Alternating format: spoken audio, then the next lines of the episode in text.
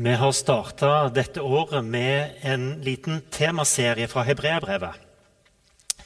Eh, hver gudstjeneste står for seg sjøl, og, og hver, hvert fokus kan være nok. Men samtidig er det gøy å se litt ting i sammenheng.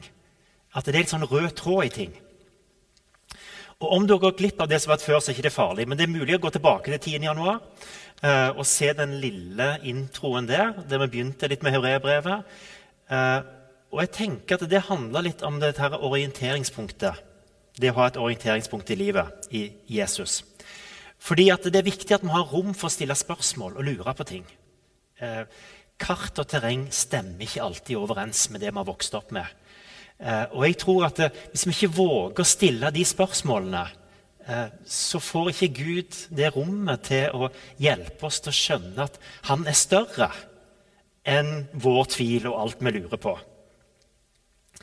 Eh, så Derfor liker jeg litt det der med midt i alle spørsmålene våre la oss likevel måtte vende tilbake til Jesus. Hvem han var, hvordan han møtte mennesker. Eh, og Hebrevbrevet har en nydelig måte å si det der på. For Han sier Jesus har åpna for oss en ny og levende vei inn til Gud. Eh, så det vi i hvert fall kan slippe å lure på, det er om vi er gode nok, om veien er åpen, om det er plass for meg.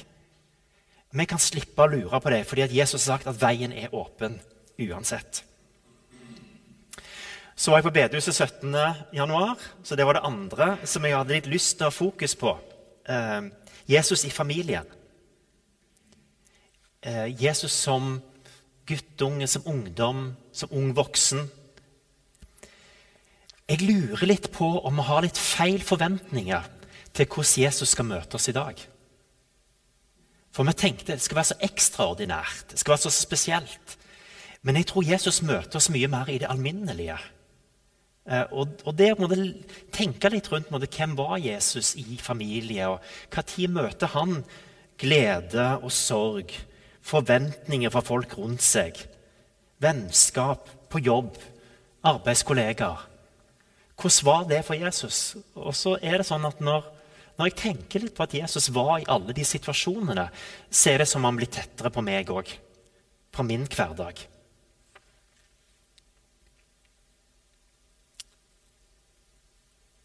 Og så er vi i dag. Vi har lest de to tekstene på nytt igjen om Jesus som måtte med oss, og Jesus som orienteringspunkt. Eh, men jeg har lyst til å begynne med å fortelle en historie. En liten, litt søt historie. Fordi at det var en guttunge som hadde eh, spurte mora mor, kan jeg få lov til å dra på piknik i parken. Og selvfølgelig kunne han det. Mora smørte god mat og drikke. Han fikk med litt varm kakao. Han pakte sekken. Han skulle på piknik i parken helt alene.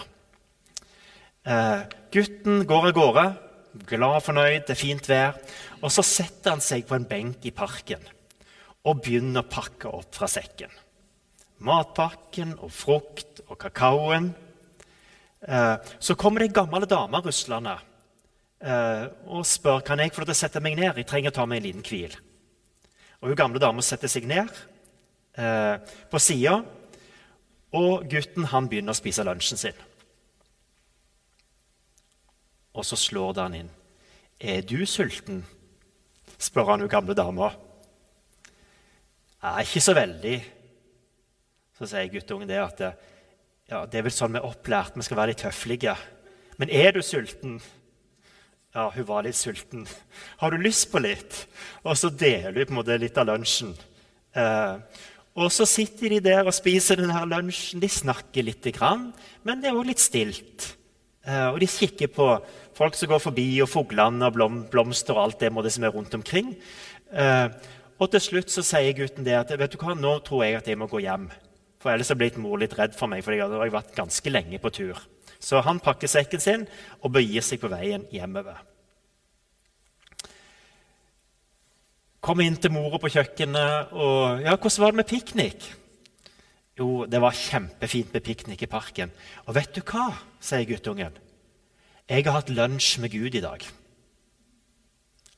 Har du hatt lunsj med Gud? Ja, Gud er jo overalt, så vi kan jo snakke med han uansett. Så sier guttungen, 'Men jeg visste ikke at, at, hun var så gammel.' At Gud var så gammel, det var jeg ikke klar over. Og hadde så mange rynker.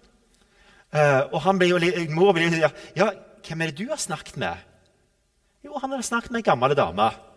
Uh, og han hadde hatt lunsj med Gud. Hun gamle dama kommer også hjem til mannen sin, som sitter i stolen og er ikke så bevegelig lenger. så dermed så måtte, kunne ikke han være med på tur. Og Så kommer hun gamle dama inn og så sier hun til, til mannen sin Du, vet du hva? Jeg var i parken i dag. Satte meg på en benk. Jeg har hatt lunsj med Gud i dag. Og jeg var ikke klar over at han var så ung. Og mannen han, han tenker ja, ja, hun, hun, er litt sånn. Så han spør ikke noe mer. Så han får ikke vite hele historien. Uh, men på en eller annen måte så har denne lille fortellingen berørt meg på det med å kjenne litt på at Gud er til stede i våre alminnelige møter i hverdagen. At plutselig så er det noe som jeg kjenner Vet du hva? Dette fikk bety noe. Her var det noe som sitter igjen som en ettervarme i kroppen. Og det er klart vi kan si at det, det, er vanlige møter og det er vanlige folk. og det er ikke noe spesielt med det. Men samtidig så sitter jeg ofte igjen med vet du hva?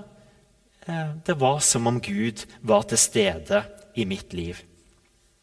At Gud var nær meg.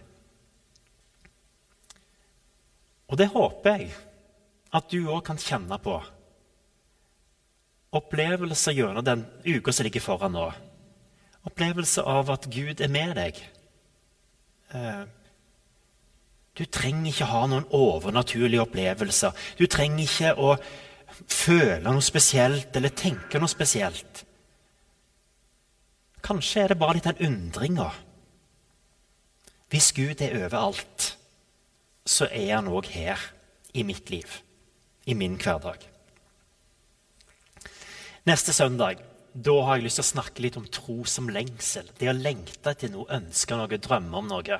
For det ligger òg der i hebreerbrevet. Eh, men nå eh, så skal dere få lov til å stoppe opp, lytte til en sang. Vi har valgt en temasang som heter 'Kom og se'. Jesus inviterer oss til 'Kom og se hvem jeg er'. Eh, og etter hvert som Kirka åpner opp igjen, eh, så, så, kom og se hva som skjer i kirka. Ta med deg ungene til dåp, til konfirmasjon, til det som skjer her i kirka. Kom og se og vær nysgjerrig på om det kanskje er noe mer enn du hadde tenkt på forhånd. Og så er det Johannes evangeliet. Det har Jesus nettopp den der 'kom og se'. Men han sier òg 'kom og få mat'. Vi trenger påfyll av ting i livene våre. Og jeg tror at det å ta med seg et lite bibelord, det å lytte til en kristen sang, det kan være sånne små påfyll i hverdagen. Og Nå skal Bjørn Andreas synge for oss. Kom og se. Lytt, ta det med. Syng med hvis du vil. Hvis du går inn på Facebook-sida på arrangement, så har jeg lagt teksten under arrangement. Så du kan faktisk åpne en ny fane på PC-en og ha den foran deg, og så kan du bare synge med hvis du vil.